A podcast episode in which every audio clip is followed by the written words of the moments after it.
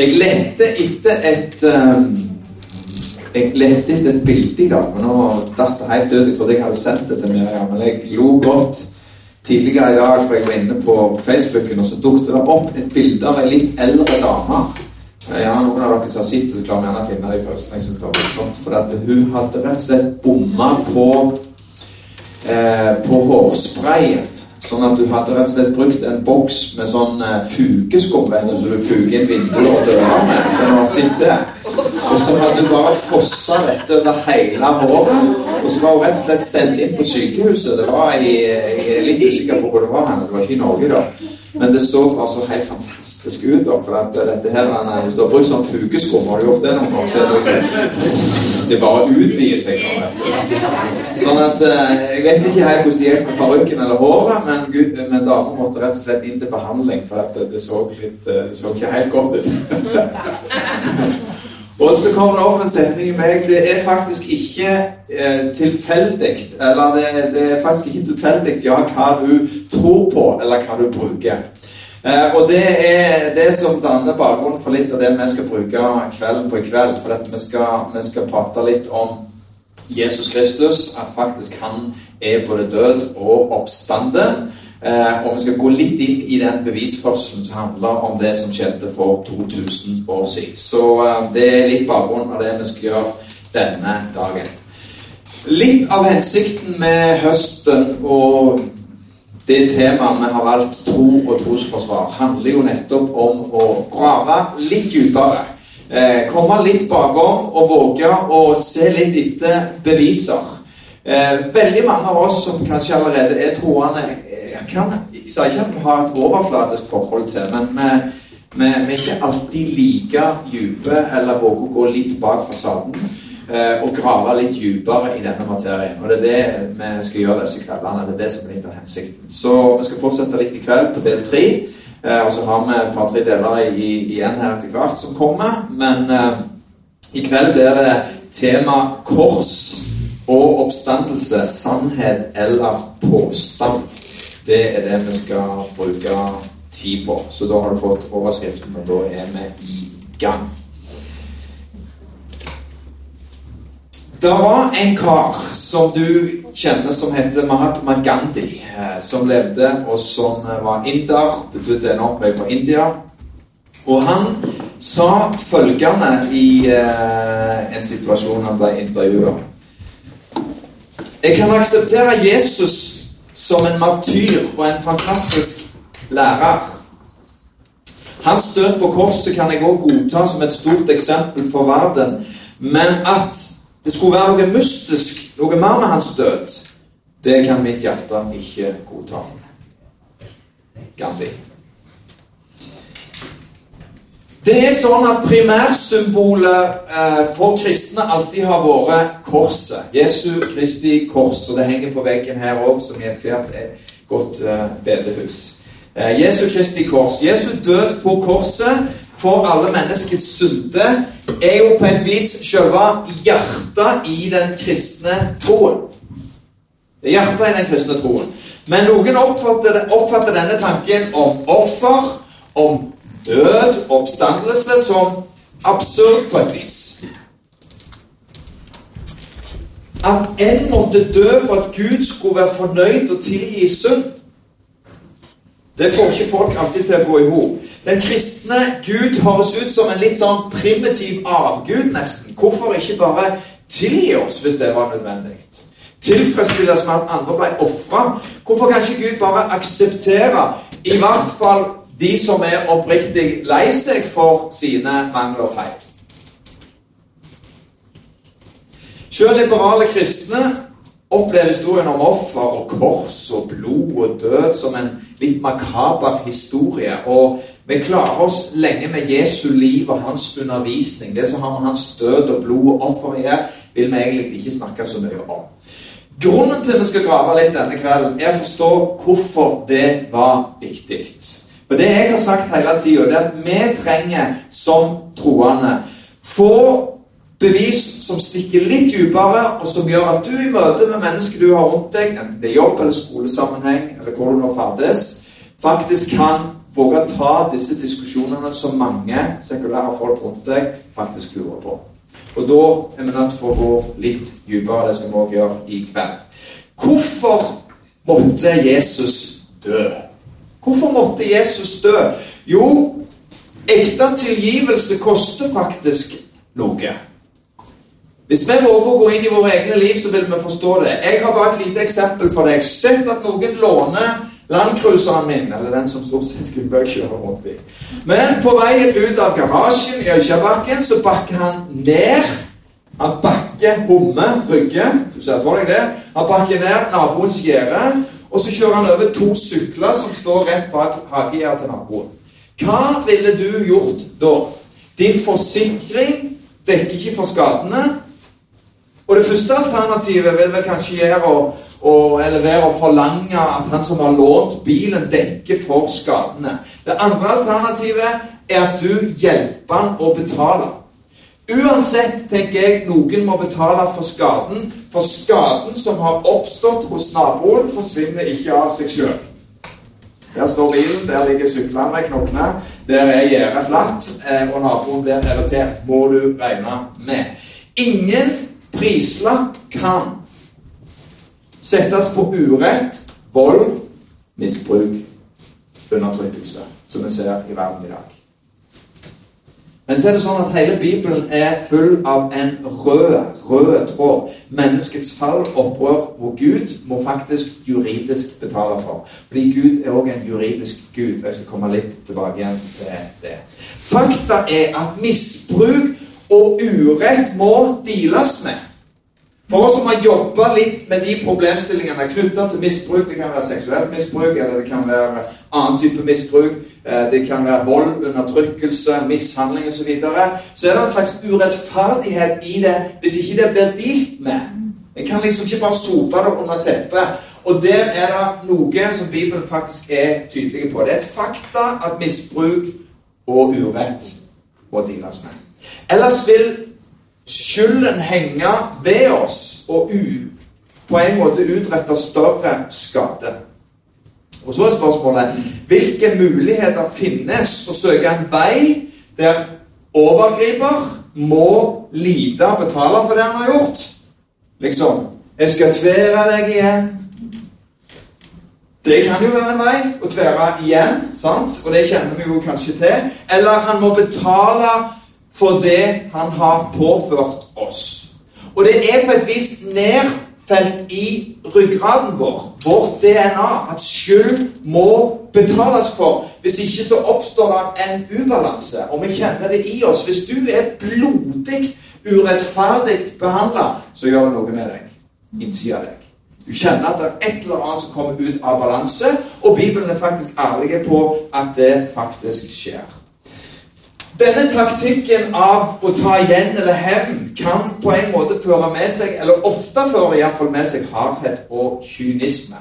Du vil faktisk etter hvert ligne på den overgriperen du hevner deg på.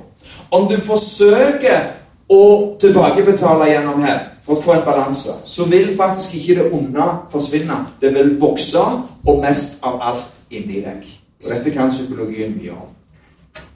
Så taler Bibelen faktisk om en bedre vei. Hvorfor snakke om dette når det handler om Jesu død, offer, oppstandelse? Jeg skal komme tilbake igjen til det, så du skal få en sammenheng i dag. Men det fins en bedre vei, og det er veien av å tilgi. Du kan avstå fra hevn. Avstå fra tanken om at de må betale for det de har gjort. Ok? Så velge tilgivelse er på et vis å bære den andres skyld. For skylda er der. Sant? Skylda er der fremdeles. Og du dør fra retten din til å ha rett. Men denne død, sier Bibelen, leder til oppstandelse. Leder til oppstandelse. I stedet for liv, bitterhet og kynisme som ellers gir oss. Tilgivelse er faktisk, sier Bibelen, den eneste måten å stoppe ondskap på. I Bibelen i Lukas kapittel 24 og vers 47 Lukas 24, 47, så sier Bibelen Og i hans navn skal omvendelse og tilgivelse for syndene forkynnes for alle folkeslag. så er det noen som reagerer. Og, og, og det, for at Nå skal vi få lov å tenke litt i dag. Ja, Hvis vi bare tilgir Men, men tilgivelse, da? ikke det litt urettferdig? Ikke det er litt pinglete eller mykt på en måte? Hva så med overgriper? Skal ikke han holdes ansvarlig? Kan du ha tenkt den tanken noen gang? For det er en ting å tilgi, men, men han som bare overgrep, så skal vi bare tilgi, og så skal han få lov å gå videre. Hva med overgriper? ikke det urettferdig at han får lov til å gå videre? Skal han ikke holdes ansvarlig? Jo, det skal han. Men konfrontasjon må ha sin basis i kjærlighet. Ellers blir motivasjon å se overgriper betale og lide. Og Du kan bare skru på Kveldsnytt i kveld når du kommer hjem, så vil du se at store deler av det maktspillet som foregår i verden i dag, er midt inn i dette bildet.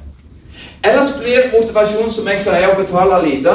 Og det fører til en ny konfrontasjon og sirkelen av skyld. Og så fortsetter denne spiralen å gå i familie og òg i nasjoner. Og dette har du erfaring fra òg i din egen familie eller andre eh, relasjoner eller tusenvis av filmer som du har sett. Fordi dette plottet vil du ofte også se i forskjellige filmer. Det er en tysk teolog som heter Bornhoffer, som levde under krigen. Og Han eh, talte Hitler midt imot, og noen av dere kjenner han sikkert og har lest litt om han. Eh, han skriver i en av sine bøker 'The Cost of Discipleship', som han skrev i 1937, at den sanne tilgivelse har alltid lidelse i seg. Og I den boka så profeterer han egentlig litt om sin egen død, som skjer litt senere. For i 1943 så blir han arrestert, kasta i fengsel pga. sin motstand mot nazismen. Og så ble han flytta videre til en konsentrasjonsleir i Flossenburg og henretta rett før krigen er over. Men like fullt så ble hans liv et vitnesbyrd av en mann som nekta å hate, og så konfronterte han synden i nazisystemet. Han hadde forstått Guds tilgivelse, som gjorde han i stand til å bringe menneskelig tilgivelse. Det var noe i hans liv som bare bringte inn tilgivelse og forsoning sjøl under de verste forhold. Du ser, tilgivelse og forsoning var planlagt av Gud fra begynnelsen av. Og Bibelen er på et vis frelseshistorie fra side 1 til slutten av boka. Så er det en rød tråd av frelseshistorie. Guds redningsplan er fantastisk. Jeg har ikke tid til å bla det opp i dag, men hvis du går inn og studerer litt på internettet, så har vi oppfyllelsen av gamle testamentlige profetier. En profeti er altså noe som er sagt på forhånd.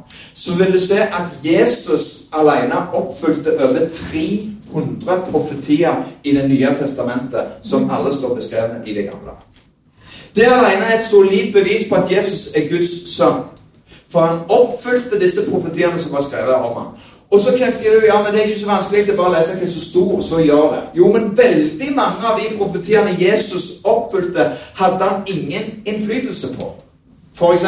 jomfrufødsel. Eller fødeplass. Eller navnevalg. Eller avvisningen fra det jødiske folket. Eller inntok og hyllesten i Jerusalem. Eller det at han ble forrådt med 30 sølvpenger, korsfesta sammen med to rørere, begravd i en rik manns grav, osv., osv., osv. Veldig mange av profetiene hadde Jesus sjøl ingen innflytelse over.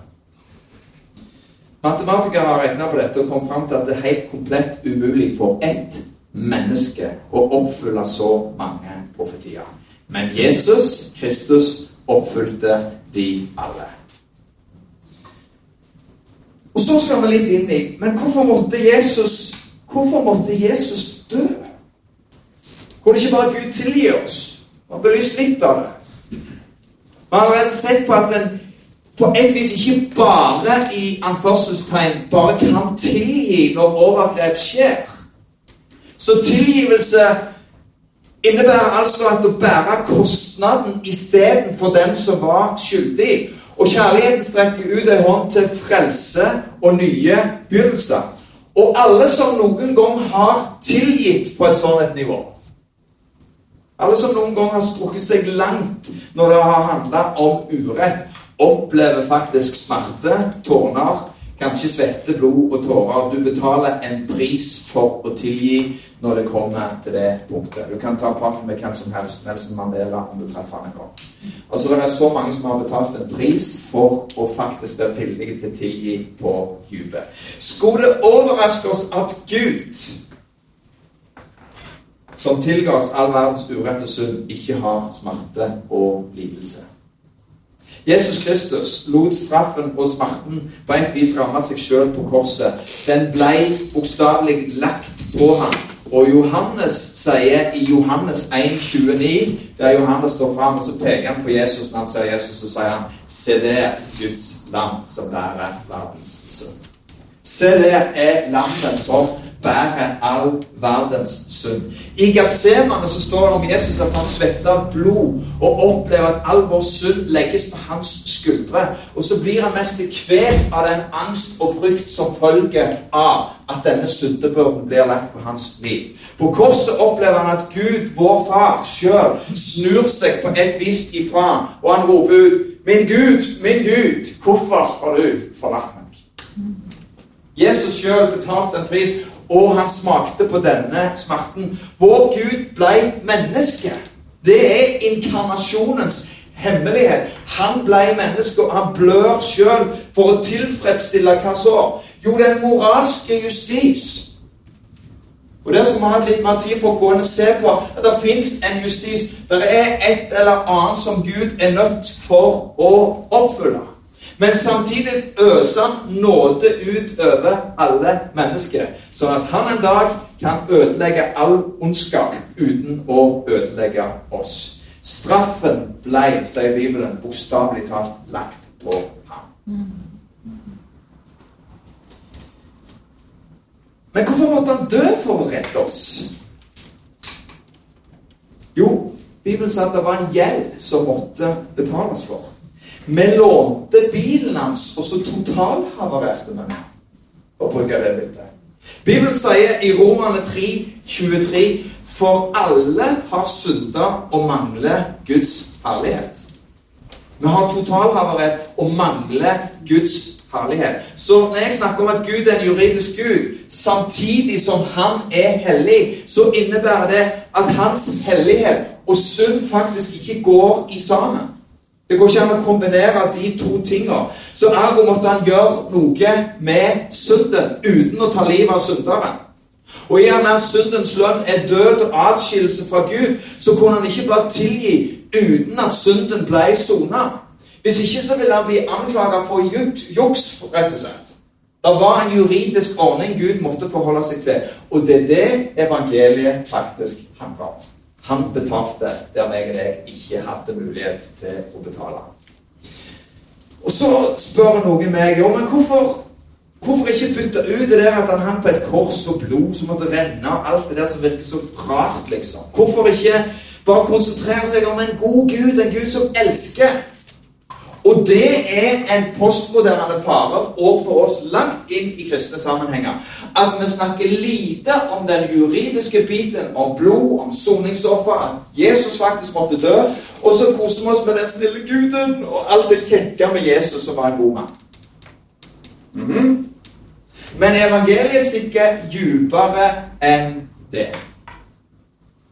Svaret er at hvis meg og deg tar bort Jesu Kristi kors, så har vi ikke lenger en Gud som elsker. For alt livsforvandlende i kjærlighet har en byttehandel i seg.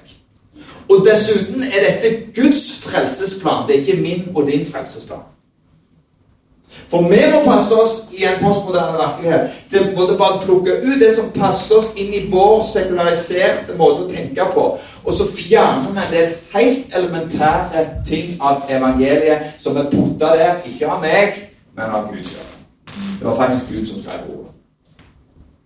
Ok? Hør. Du vet, Filmindustrien elsker jo sånne plott som jeg snakker om nå. Du kommer i kontakt med en uskyldig som jaktes på av en mengde med agenter som vil drepe han. Lev deg inn i denne filmen. Jeg lurer på om jeg må lage den en gang. Han, han ber deg inderlig om hjelp. Om du ikke responderer, så vil han antageligvis bli drept. Men om du derimot hjelper han du som før var utenfor fare, så vil du nå bli involvert i stor fare. Du har sikkert sett noen sånne filmer. Han vil motta sikkerhet og trygghet pga. deg, bare pga. at du var villig til å gå inn i hans usikkerhet og i hans sårbarhet. Dette vet vi noe om som mor og far, hvis du har unger rundt deg. Familie og barn. Som mor og far korsfester du din egen komfort og sikkerhet. Du avtar, og ungene vokser. Du beskytter, de er beskytta. Det er jo det byttehandelen her faktisk handler om, og vi kjenner oss igjen i dette. Gjennom troen på Jesus Kristus så setter Gud meg der han fortjener å være. Og så gjør han en ting til. Gud setter seg sjøl der jeg hadde fortjent å være på korset. Det er den store byttehandelen som skjer. Den store byttehandelen er at Gud med all sin makt bytter plass med de marginaliserte. De fattige, de plaga, og det hadde jo vært profetene sin sang gjennom Det gamle testamentet. Men ingen kunne forestille seg i GT at en dag ville Gud sjøl komme ned på jorda og bli menneske og leve det livet som jeg og deg ikke klarte å leve. Komme ned fra sin trone og sjøl lide og bære skam og fattigdom for å løfte oss opp. Det er evangeliet. På korset vinner Jesus Kristus gjennom å miste sin egen herlighet. Han blir rik gjennom å gi alt bort. Og den virkelige fienden var faktisk ikke romerne eller jødene, men all menneskets synd og opprør mot Gud. Du ser, og jeg har lyst til å påpeke det Det vi tror på, som har kommet til den overbevisningen om at dette med Jesus faktisk er sant, det er følgende Jesus skapte et alternativt rike. Det er ikke alltid det slår like mye ut i det kristne Norge. Men følg meg litt nå. Der verdier faktisk blir totalt snudd på hodet. Der kristne ser på makt som noe en får ved å tjene. Det er snudd på hodet. Og der penger er noe en har for å kunne dele og gi vekk. Mange av de kristne prinsippene er helt snudd på hodet i forhold til den verden som jeg og deg er en del av. Jeg tror at evangeliet er det eneste som er radikalt nok til å rense, tilgi og forsone oss med hverandre og Gud. Bibelen sier at Jesus skal opp sin herlighet og rikdom og bytte plass med oss. Han ble fengsla, han ble piska, han ble slått, forakta og til sist drept for min skyld. Han tok min plass. Og en av de sterkeste profetiene kom 500 år før Jesu Kristi fødsel i Jesajas kapittel 53. Noen av dere har hørt det sitert, men jeg skal sitere det for deg. Men han, Kristus, ble såra for våre lovbrudd. Han ble knust for våre synder, og straffen ble lagt på ham, sånn at vi fikk fred. Og ved hans sår ble vi helbreda. Det er evangeliet. Og så er spørsmålet Denne Jesus som kom, sto han virkelig opp ifra de døde? Sto han opp ifra de døde? Det er tenkere som har gått foran oss. Jeg nevnte noen. Vi var innom Nietzsche sist, og vi snakket om Freud. og Vi hadde forskjellige forfattere som var inne og gravde litt i. Eh, og Jeg skal bare gi deg et lite bakgrunnsteppe fra en som jeg skal sitere nå, som heter Leo Tolstoy, som var russisk forfatter. Han eh, vet dere, vært tenkere før oss. Eh, og jeg syns det er fantastisk for mange av de som har kommet til den samme overbevisning som jeg kjenner jeg har blitt trygg på i mitt liv. Det var folk som har virkelig brydd seg på de store eksistensielle spørsmålene. Leo Tolstoy levde fra 1829 til 1910. Han var russisk forfatter, som jeg sier. Og så fikk han en troskrise i min alder. Han var et par og 50 år når det inntredde. Og i møte med Bibelen og Jesu undervisning så skjer det noe radikalt i hans liv ut av det. For han hadde før skrevet noen fantastiske romaner om, om, om, om russisk historie. Men han skriver da plutselig en bok som heter uh, A Confession, og rett etterpå en bok som heter The Kingdom of God Is In You. Begge de bøkene. Og så går han over til å bli på et vis pasifist og blir et forbilde for store andre ledere som kommer opp litt lenger eh, fram i tida. Den ene er Gandhi, og den andre er Martin Luther King, som begge har Leo Tolstoy som et forbilde. Han skriver i eh, en av sine bøker Mitt spørsmål som kom med full tyngde i en alder av over 50 år, som nesten brakte meg på grensen av å ta mitt eget liv, var egentlig enkelt. Men det ligger i sjelen til alle mennesker. Men uten et meningsfullt svar gir det livet ingen mening. Hva vil det bli av det jeg gjør i dag og i morgen? Hva vil det bli av livet mitt? Hvorfor skulle jeg leve og ønske meg ting eller gjøre ting? Det kan også beskrives slik Er det noen mening i livet mitt som døden ikke kommer til å viske ut? Det var den eksistensielle krisen til Leo Tolstoy. Og så går han en vandring som plutselig oppdager Kristus. Og så blir han en hengiven kristen, for han oppdager dette med forsoning. Han får lov å gi seg til en mening som er større enn det han før hadde funnet ut. Jeg tror for de fleste av oss som har studert litt, ikke at det er et mål i seg sjøl. Men møter du høyskolesystemet, så vil du òg møte tesen om at Jesu oppstandelse innebærer bl.a. et historisk problem. Mirakel skjer ikke, f.eks. Og, og, de gjør oppstandelse fra de døde til et problem. Iallfall i en god del kretser. Men så tenker jeg om ikke vi tror på mirakler og Jesu oppstandelse fra de døde, så vil du og meg ha et stort problem med å forklare hvordan kristne kirka faktisk starta. Vi skal ta litt mer om det etter pausen. For Jesu oppstandelse ikke bare historisk og filosofisk av stor betydning, men det handler òg om noe mye mer. For hvis det har skjedd at Jesus har oppstått, så endrer det faktisk hele verdenshistorien. Vi skriver jo 2015, så det er klart det var av vesentlig betydning. Det er ikke, selv, det er ikke en tilfeldighet at vi skriver 2015, 2015 år etter Kristi fødsel. Det, det rusta på en måte datiden så kraftig at vår, uh, vår uh, tidsregning kommer fra det. Men det rører med noe som stikker så dypt. Og så har jeg lyst til å si til deg, for nå skal vi dempe lyset litt, skal snart drikke kaffe, men jeg skal vise deg en liten filmsnutt. For jeg har lyst til å oppmuntre deg til å bruke nettet litt, og det gjør noen av dere. Men gå inn og undersøk litt hva evangeliet faktisk forårsaker i vår tid. Vi tenker å ha litt frykt for det som skjer forbi radikalisering, eh, radikale muslimer osv. Og, så og det har vi all grunn til, fordi det er despotiske styresett som holder folk nede. Men skal jeg si en ting? Evangeliet i dag har store gjennombrudd, spesielt i Midtøsten. Den filmsnutten du skal få se nå, er fra Marokko i Afrika. Et av de mest muslimske land, men som i dag har livskraftige, store menigheter der tusenvis av mennesker finner troen på Jesus Kristus som et alternativ til radikal islam.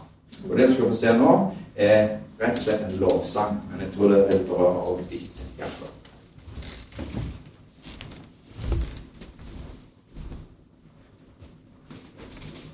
thank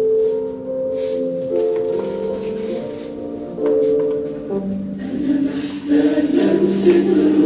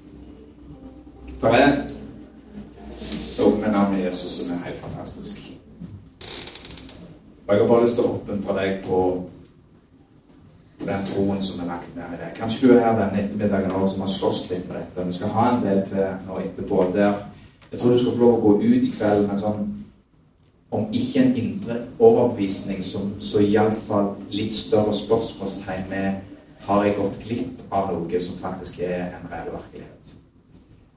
Vi skal bruke litt tid etter pausen til bare å gå igjennom noen ting som jeg tror bare vil gi deg en større trygghet på at denne Jesus som du kanskje proklamerer i livet ditt, faktisk i sannhet har levd, på at han er oppstanden. Og hvis det er sant at Jesus sto opp, så er han den eneste som bringer denne livgivende frelse til nasjon etter nasjon etter nasjon. I dag raser militant islam. Det er mange ting som skjer. Men folk er på flukt i store deler av verden. Og tusenvis av disse får nå åpenbaring av denne levende Jesus Kristus. Det er som om Gud bare sjøl i akkurat dette tidsøyeblikk gjør fantastiske ting. Når du ser disse mengdene av arabere som kommer til tro og bare tilber Jesus, wow, så skjer det noe i verden i dag. Og vi trenger som et kristent folk i Norge bare igjen reise oss som de tilbederne. Ok, Bjørg, da skal det rulle litt musikk her. Så dette går fint. Og så skal du få litt uh, kake og kaffe etter hvert. To køer. To køer, ja. Så bra. Så det betyr å oss litt rundt bordene. Vi er god tid nå til en god pause. Etter 20 minutter så er vi i gang igjen med del to. Gjorde du det?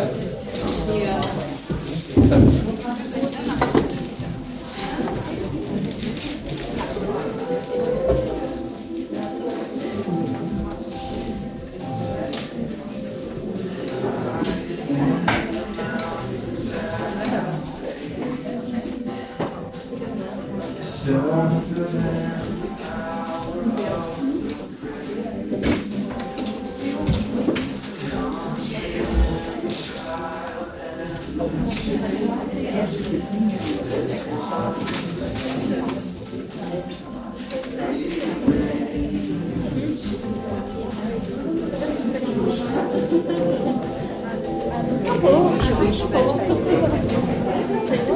tenker jeg. Du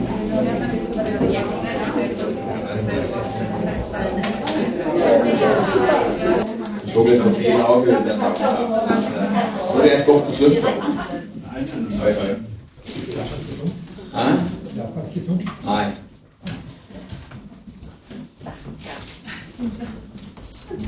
Ok, da skal vi ta del to i dag. Og eh, da skal vi bruke litt tid faktisk å se litt på argumentet for og imot Jesu død og oppstandelse. Knytte det litt til det vi sa før pølsen. Eh, jeg tror det er sånn at de, de fleste tenker at når det kommer til bevis, så må det være de troende som skal sørge for å bevise at det faktisk skjedde en oppstandelse. Men jeg tenker at oppstandelsen fører også til at de som ikke tror, må på et vis føre bevis for sin tro. For om Jesus ikke oppsto ifra de døde, hvilken historisk forklaring har du på hvordan den kristne kirka faktisk starta den ekspansjonen du har sett i verden? Noen påstår at de som levde på Jesu tid, lett lot seg rive med i eventyr, og oppstandelser fra de døde. Men vi skal sjekke ut og se det litt i lys av både en historisk og en kulturell ramme. Og så skal vi bruke litt tid på å se på argumentene i forhold til det. Det var ei tom grav, sier Bibelen, og det var vitner som sto fram og sa at graven var tom. Flere har meint at vitnebeskrivelsene som kommer fram i Matteus, Markus, Lukas og Johannes, har blitt til lenge etter Jesu død. Og Det er òg argumentet for at de to hovedbevisene, altså punkt 1 tom grav og punkt 2 øyenvitne, har blitt fabrikkert. Og det er mange mye å finne stoff på internett på akkurat den biten òg. Den første beskrivelsen i Bibelen finner vi i apostelen Paulus' beskrivelse i første Korinterbrev, kapittel 15, og vers 3-6. Det er sånn kjernevers egentlig på apogenetikk. Eh, som alle i stor grad bekrefter faktisk skrevet omkring 15 år etter Jesu død. Altså veldig tett på den historiske, eh, den historiske kjensgjerningen som Paulus beskriver her. Eh, første Korinterne 15, 3-6. Jeg skal lese for deg. Og der står det For først og fremst overga jeg til dere det jeg selv har tatt imot. At Kristus døde for våre synder etter Skriftene. At han ble begravet. At han sto opp den tredje dagen etter Skriftene. Og at han viste seg for Kefas og deretter for de tolv. Deretter viste han seg for mer enn 500 søsken på én gang. Av dem lever de fleste ennå, men noen har sovnet inn. Så Paulus snakker altså ikke bare om ei tom grav og oppstandelse. Han refererer til det jeg kaller for historiske fakta. Han lister opp øyenvitner.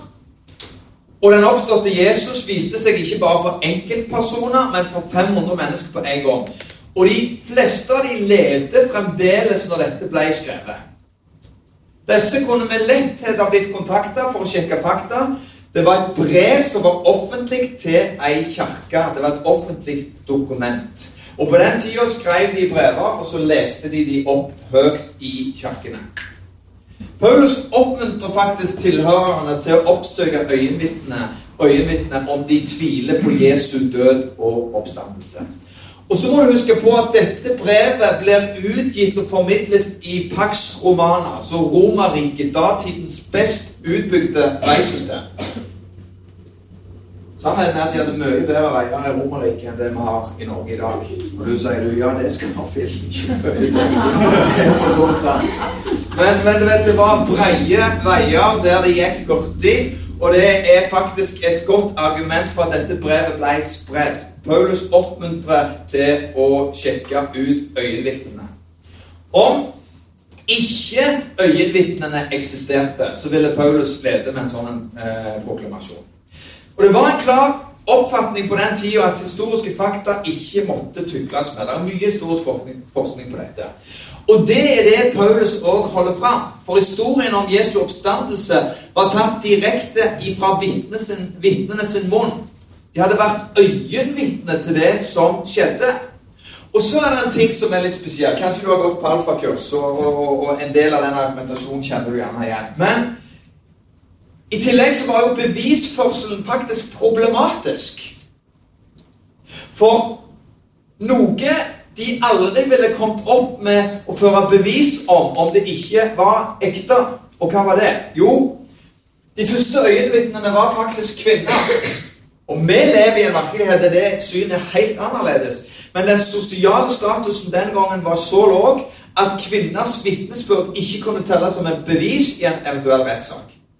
Og Det betyr altså at det er ingen logisk forklaring på dette med Jesu Kristi oppstandelse utenom sannhet.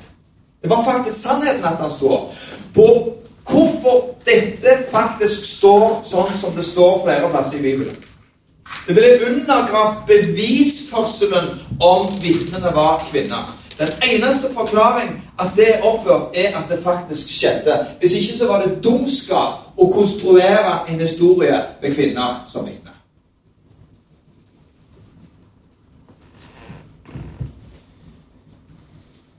N.T. Wright er professor i Det nye testamentet i den tidligere kristendom på University of St. Andrews. Han skriver følgende Det har vært et enormt press på de første vitnene for å forsøke å fjerne kvinnene som en del av historien.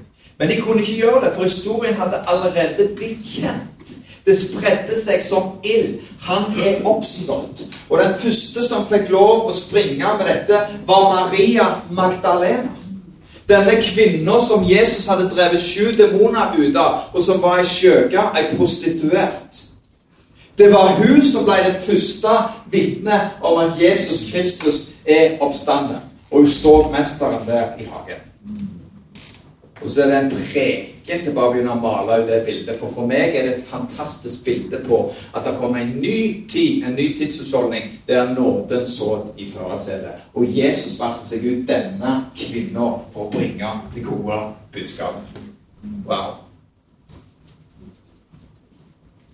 Han er oppstått. Maria ble det første vitnet. Men en tom grav uten øyenvitne så ville ingen konkludert med en oppstandelse. Kroppen kunne jo ha blitt stjålet, men øyenvitner uten ei tom grav ville gitt det samme problemet. Men grava var faktisk tom. Ingen i Jerusalem ville trodd det de kristne fortalte ett minutt om ikke dette var en realitet. Og det fins ikke fnugg av bevis hvis du virkelig graver litt i dette, som går i retning av at historien er fabrikkert mange år seinere, jf. Da Vinci-koden. Det har blitt avslått for lenge siden hvis du bare bruker litt tid på å undersøke det. Hundrevis av vitner har sett både grava og Jesus, Kristi, Jesus Kristus i live etter sin død. Det er et historisk fakta. Noen sier ja, men det beviser vel ikke 100% at Jesus har stått opp. Du ser, Hans etterfølgere var så desperate etter å se Jesus stå opp fra de døde at noen stjal hans legeme. Graven var tom. Og så produserte disiplene en historie om at alle hadde sett han i live. Altså en produsert historie. C.S. Lewis sier følgende om det. Og jeg har sitert C.S. Lewis før, for det var en tenkende mann. Jeg gjør det helt bevisst, for det har vært noen tenkere før C.S. Lewis er en av våre store apologeter. Han var en tenker, og han har gått gjennom disse prosessene mer grundig enn veldig mange av oss. Han sier følgende Han kaller denne eh, teorien for kronologisk snobberi. Jesus samtid krevde faktisk bevis hvis du undersøker dette historisk. Ingen ville akseptert en sånn tese. I det første århundret i Midtøsten eksisterte det en klar oppfatning av at kroppslig oppstandelse var umulig. I gresk-romersk tenkning var nemlig sjelen og det åndelige verdifullt.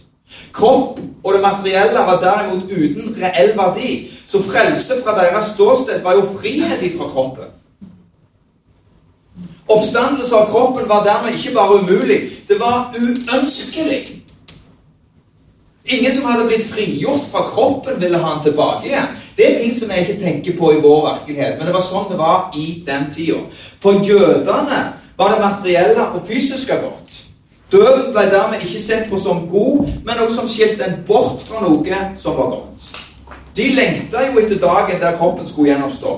Men, og det er et viktig men Oppstandelse i jødenes idé var kobla til den dagen da Gud skulle gjenopprette alle mennesker. At en person skulle oppstå alene, var utenkelig. Og så har det eksistert en mengde med konspirasjonsteorier om Jesu død og oppstandelse gjennom tidene.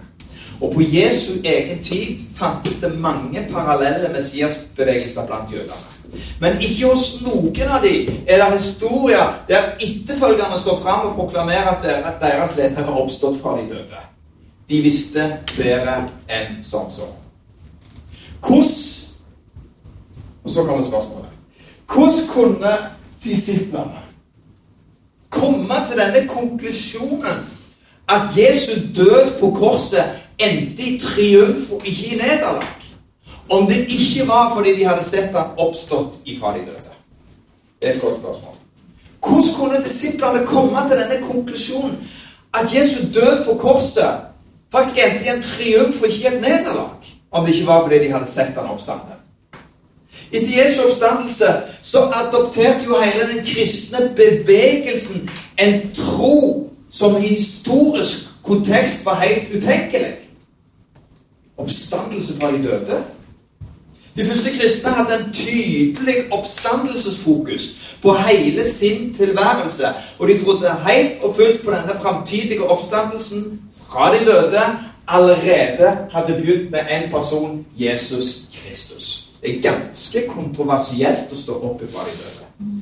Hvis du får lov å være med i min begravelse, og jeg på forhånd bare har proklamert at om tre dager så står du opp igjen så ville du tenkt at eh, jeg mener, jeg vet ikke hvor han helt hører hjemme. Sant? Du ville, du ville iallfall tenkt at nå har det rabla for ham. Nå har han liksom på en måte fått det der Messias-syndromet. Liksom, eller eller. Det er kontroversielt å stå fram og si at noen har oppstått ifra de døde. Men dette oppstandelsesfokuset gjennomsyrte de første kristne. Paulus maler det ut i Kolosserbrevet og Hebreabrevet, kapittel 1 og vers 18 og 1 og vers 6 at han var den førstefødte av de døde. Han var oppstander. Og det begynte med Jesus. Og dette ble en massiv kristen virkelighetsoppfatning. Hvorfor maler jeg det for deg som gjerne allerede tror? Fordi vi av og til har en tendens til å miste noe av de helt sentrale tingene. Det å stå opp ifra de døde er kontroversielt. Men hvis det har skjedd, så endrer det historien for alltid. Og det er det jeg har lyst til å male for deg. Fordi det er så vesentlig i vår tid at det er det evangeliet faktisk dreier seg om, en oppstanden i Jesus. Det var et massivt skifte av virkelighetsoppfatning. Det skjedde med en stor gruppe mennesker på kort tid. Totalt annerledes enn hvordan normalt ser en kultur og et samfunn endre seg over tid. Kristendommens etterfølgere sto fram og vitna om at deres tro på ham. Det ble ikke lansert i den tida med en masse isme bare som et alternativ, liksom. Nei, de gjenfortalte bare det de hadde sett og hørt. Det var ikke engang en god idé. Det var Guds idé. De hadde altså sett noe som de ble vitner om. Og de kunne ikke annet enn å vitne om det de hadde sett og hørt. At Messias var oppstande. Det er den kristne basisen. Det er den basisen som vi faktisk tror på. Det var Guds idé. Hvordan kunne en hvordan kunne ei gruppe med jøder i det første århundret starte med å tilbe og se på et menneske som Gud? Kunne du ha tenkt den tanken? Men det var altså jøder som hadde et syn på Gud som den eneste som plutselig vendte om og begynte å tilbe et menneske. Østlig eller vestlig religion muligens, men aldri jødene. De trodde på en Gud, hellig og på et vis utilgjengelig. Det ville vært som blasfemi å foreslå at et menneske skulle bli tilbedt. Nettopp det skjer i den første kirka. Og hundrevis og etter hvert tusenvis blir tilbedere av Kristus, den oppstandende, som Guds sønn.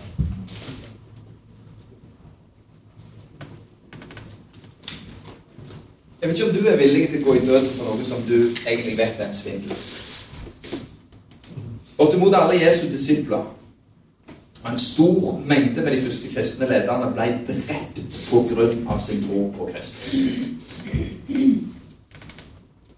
Jeg har fundert på det. Hvor dypt stikker troen min hvis ting blir omvendt? Jeg vil ikke dø for det jeg tror på. Stikker det så dypt? De første kristne de ble matyrer, Bortimot samtlige av dem ga sitt eget liv i troen på Kristus. Det er vanskelig å tro at når historiske kilder så tydelig påpeker denne kjensgjerning, så var det noe de var villige til Var de villige til det pga. en løgn? Og så vil jeg si til deg som fortsatt kanskje er litt skeptisk Du kan ikke fortsette å si at jo, men fremdeles mener jeg ikke dette har skjedd. Ja, men da har du et ansvar for å tilbakevise historiske fakta. Og her er egentlig kjernen. For det, vi snakker om apokalyptikk, tro og trosforsvar Det betyr at du har faktisk veldig god argumentasjon på det du tror for. Så Du må tilbake i notatene og rote litt her, finne dem fram, la de bli en del av deg. Fordi det er mennesker rundt deg som du kan leve til tro enkelt gjennom å bruke denne måten å argumentere på. Og Hvis ikke så er de faktisk svart skyldige i forhold til det som er sterke historiske kjensgjerninger. Kristendommen spredde seg med stor kraft. Bokstavelig hundrevis av øyenvitner ga livet sitt for det de hadde sett og hørt. Jo, men gi meg mer bevis! Selv Jesus fikk det spørsmålet. Og Du leser om det i Lukas 11,30 og Matteus 16,4. Og hans svar var at de får ikke noe annet enn Jonas' tegn. Tre dager og tre netter i jordens dyp. Med henvisning til sin egen død og oppstandelse. Du ser,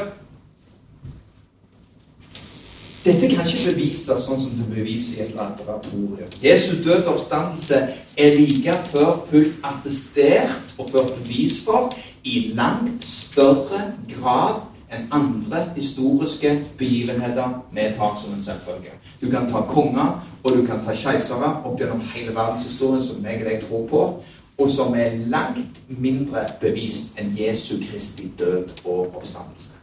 Den store utfordringen for mange som ikke vil tro, er at de avviser Jesu oppstandelse fordi de ikke tror på miraklet. Så skal vi si litt mer om det senere på bibelskolen. I stedet for å, nå, i stedet for å fylle bevisbyrden og åpne seg for det svaret som trer fram.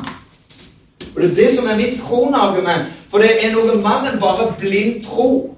Vi leder ikke folk inn i en kristen tro som muligens er et bedre alternativ. Det er alternativet fordi vi tilber en oppstanden Kristus.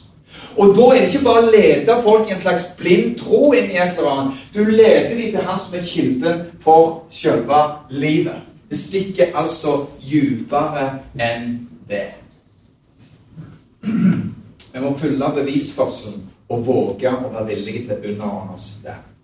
N.T. Wright, som jeg har sitert tidligere, sier følgende Ingen av de første kristne planla det som skjedde om en oppstått Kristus. Ingen hadde forventa noe sånt. Sjøl ikke de som hadde studert profetiene på bakgrunn av det han sjøl hadde sagt. Å tro at dette var planlagt, er å gå fra historiske fakta og inn i en fantasiverden, sier han. Sannheten er at disiplene ble jo vektskremt, egentlig, når Jesus sto opp fra de døde og viste seg for dem. De som levde på Jesu tid, følte det på samme måten som vi kan gjøre. Og jeg siterte det her. Oppstandelse fra de døde er faktisk ulogisk. Den eneste måten å omfavne dette på, er å la bevisene tale og endre vårt verdensbilde. Bevisene på hans oppstandelse blir for store.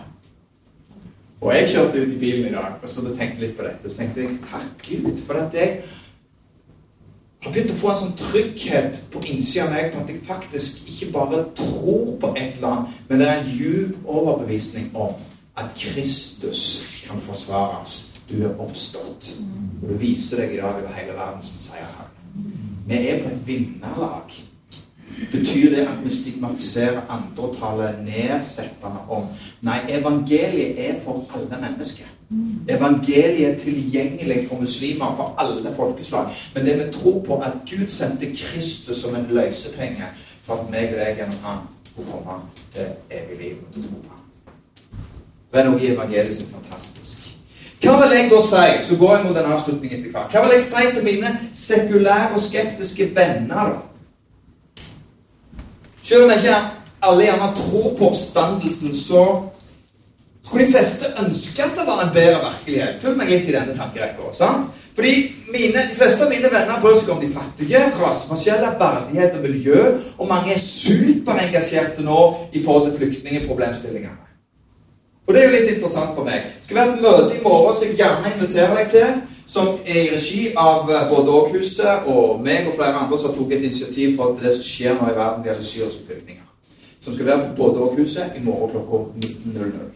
Der kommer mange politikere, kommer folk fra Hero, kommer folk fra Sandnes kommune. Og så skal vi bare sette oss ned og prate litt hva kan vi gjøre i forhold til det som skjer. Men hvorfor engasjerer folk seg så kraftig, spør jeg meg. Mange tror jo på at verden kom til ved en tilfeldighet. Aha. Og at det en dag bare vil brenne opp og forsvinne, for det er ikke noe etter dette. Samtidig så finner de samme menneskene det fortvilende at så få mennesker bryr seg om rettferdig fordeling og menneskehandel, f.eks. Og så glemmer de at deres eget verdensbilde underminerer det som kunne gjort verden bedre. For hvorfor bryr vi oss egentlig? Hvis det faktisk ikke fins noen konsekvenser. Hvorfor ofre for andre hvis det ikke fins noe etter dette livet? Om det på en måte ikke på slutten egentlig betyr noen forskjell? Det undrer meg litt, da som tror på Gud. Den ligger nedlagt i oss. Rettferdigheten ligger nedlagt i oss. Budskapet om oppstandelse er faktisk at verden betyr noe for Gud. Vår tids ondskap og urett må ses i sammenheng med at budskapet om helbredelse, rettferdighet og kjærlighet allerede har vunnet. Hvis påskens budskap om Jesus Kristus, at han virkelig har oppstått fra de døde, er verdens beste nyheter for alle mennesker, så er det noe i det budskapet som rører ved hele Norges befolkning i 2015, og som vi må ta stilling til. Og jeg har lyst til at du skal bare bli en frimodig representant for det budskapet. Du vet Tar meg og deg bort tar meg og deg bort Jesu oppstandelse fra den kristne troa, så gir vi faktisk Karl Marx rett. Karl Marx rett når han sier man beskyldte kristne for å ignorere verdens fattige. Tar vi bort oppstandelsen, så gir vi Freud rett i at kristen tro egentlig det er litt ønsketenkning. Tar vi oppstandelsen bort, så gir vi Nietzsche rett i at kristen tro er for pysa. Men vet du hva? Kristus er i sannhet oppstått ifra de døde. Det er det budskapet som jeg og deg har å gå. Og vi skal gjøre en liten ting her i kveld før vi går fra hverandre. Eh, det er ikke noe jeg vil presse deg til å gjøre, for det skal være naturlig for deg. Kanskje du er i en trosreise med ditt eget liv. Hold gjerne denne undervisningen en gang til. Våg å ta tak i notatene som du får tilgang til på appen. Våg å grave litt i det. Begynn å undersøke. Sjekk litt sjøl. Les Bibelen. Undersøk stoff som ligger tilgjengelig på nettet. Så vil du se at du kan lese både for og imot, men det er en overveldende bevisførsel på at Jesus Kristus er en levende realitet, at han har oppstått fra de døde. Og det fins millioner av mennesker som er bevis på at han lever, fordi de faktisk har kjent at han har berørt de personlig. Jeg vil at du skal bli en sånn god representant for ham, og med frimodighet bringe troen inn og ut til de som du er en naturlig del av. Men apogenetikk, tro og trosforsvar, som holder på med nå, handler nettopp om noe av det skal få lov å sette seg litt dypere i oss. Bli denne tunge bevisførselen, indre tryggheten, som stikker dypere enn følelsene våre. For de har en tendens til å svinge litt. Jeg har, i sammen med Miriam kommer ikke noen ny film nå, men vi har lagt Vi har ikke lagd den, for dette er en trosbekjennelse som Kirka i sitt vesen har holdt fram gjennom århundrer. Og jeg vil at vi skal bare reise oss i dag som en avslutning, og så skal vi rett og slett på en måte ta tak i og bekjenne ut denne trosbekjennelsen i sammen. Fordi det er noe som Kirka har gjort gjennom alle århundrer. Jeg vet at vi kommer litt fra forskjellige sammenhenger nå. Uh, og, og, og uh, det går helt fint, fordi vi er en del av den samme familien. Men som jeg sier, stor respekt for deg som er underveis med troen din. Sitt gjerne om du vil det. Du kan stå i sammen med oss. Og så kan vi få lov, vi som kjenner at dette er vår trosbekjennelse, å lese den ut i sammen. For det er faktisk dette vi tror på. Så skal vi få litt hjelp av Miriam her. Uh, og så kommer det omleggingen, og så skal jeg bare guide deg litt, og så får vi lese høyt og tydelig i sammen. Dette er den apostoliske trosbekjennelsen. Er vi klar? Ok. Jeg tror på Gud Fader, den allmektige, himmelens og jordens skaper. Jeg tror på Jesus Kristus, Guds enbårne sønn vår Herre, som ble unnfanget ved Den hellige ånd. Født av jomfru Maria, lidd under Pontius Pilatus. Korsfestet, død og begravet. For ned til dødsriket. Sto opp fra de døde tredje dag. For opp til himmelen. Sitter ved Guds den allmektige Faders høyre hånd skal derfra komme igjen for å dømme levende og døde. Jeg tror på Den hellige ånd, en hellig allmenn kirke, de helliges samfunn, syndenes forlatelse, legemets oppstandelse og det evige liv. Amen. Far, vi takker deg for at vi kan få lov å bekjenne ut i sammen med millioner av andre kristne som har fått opplevd deg som en oppstanden frelser i livet. For du har sett det vi har delt denne kvelden, om Jesus Kristus død oppstanden. Fleip eller fakta. Og så opplever vi at det er så mange bevis som drar i retning for at du har levd, og at du faktisk døde og sto opp igjen. Og hvis du er den personen som har seira over døden, så har du gjort livet tilgjengelig for hver en av oss. For jeg ber om at denne bevisførselen bare skal synke dypt inn i oss. Bli som en indre trygghet og overbevisning som bærer oss gjennom alle faser i livene våre. Og så ber jeg Gud om at du skal gi oss mot nok til å bruke eh, trosforsvaret vårt ikke for å slå folk i hodet med ny overbevisning, men med ydmykhet, men òg med fasthet, bringe inn disse tunge bevisene på din eksistens. Og på at du faktisk virkelig har levd, og at du sto opp igjen ifra de døde. For det, det ber jeg om. Jeg tror vi trenger det i vår tid. Jeg tror vi trenger disse basissannhetene tilbake igjen. At det fantes noe som skilte mennesker fra Gud. At det var en juridisk Gud som måtte ta et offer og ordne opp i forhold til vår synd. Og så rensa du all denne synden ut på korset. Og så ga du ditt blod som et soneoffer for at vi kan få lov å stå hellig og feilfri for Gud. Takker deg for evangeliet. Takke deg for dette evangeliet, Gud, som rører titusenvis av mennesker i dag. Takke deg for det du gjør nå i Nord-Afrika. Takke deg for det du gjør inn i Syria, inn i Libanon, inn i Jemen, inn i mange av disse plassene der du bare åpenbarer deg som konge. For vi ærer deg for det. Og jeg ber om at denne bølga skal skylle inn over Europa igjen. Dette avkristna kontinentet som har sluppet inn alle sine avguder. Vi ber igjen om at Kristus skal bli synlig i hele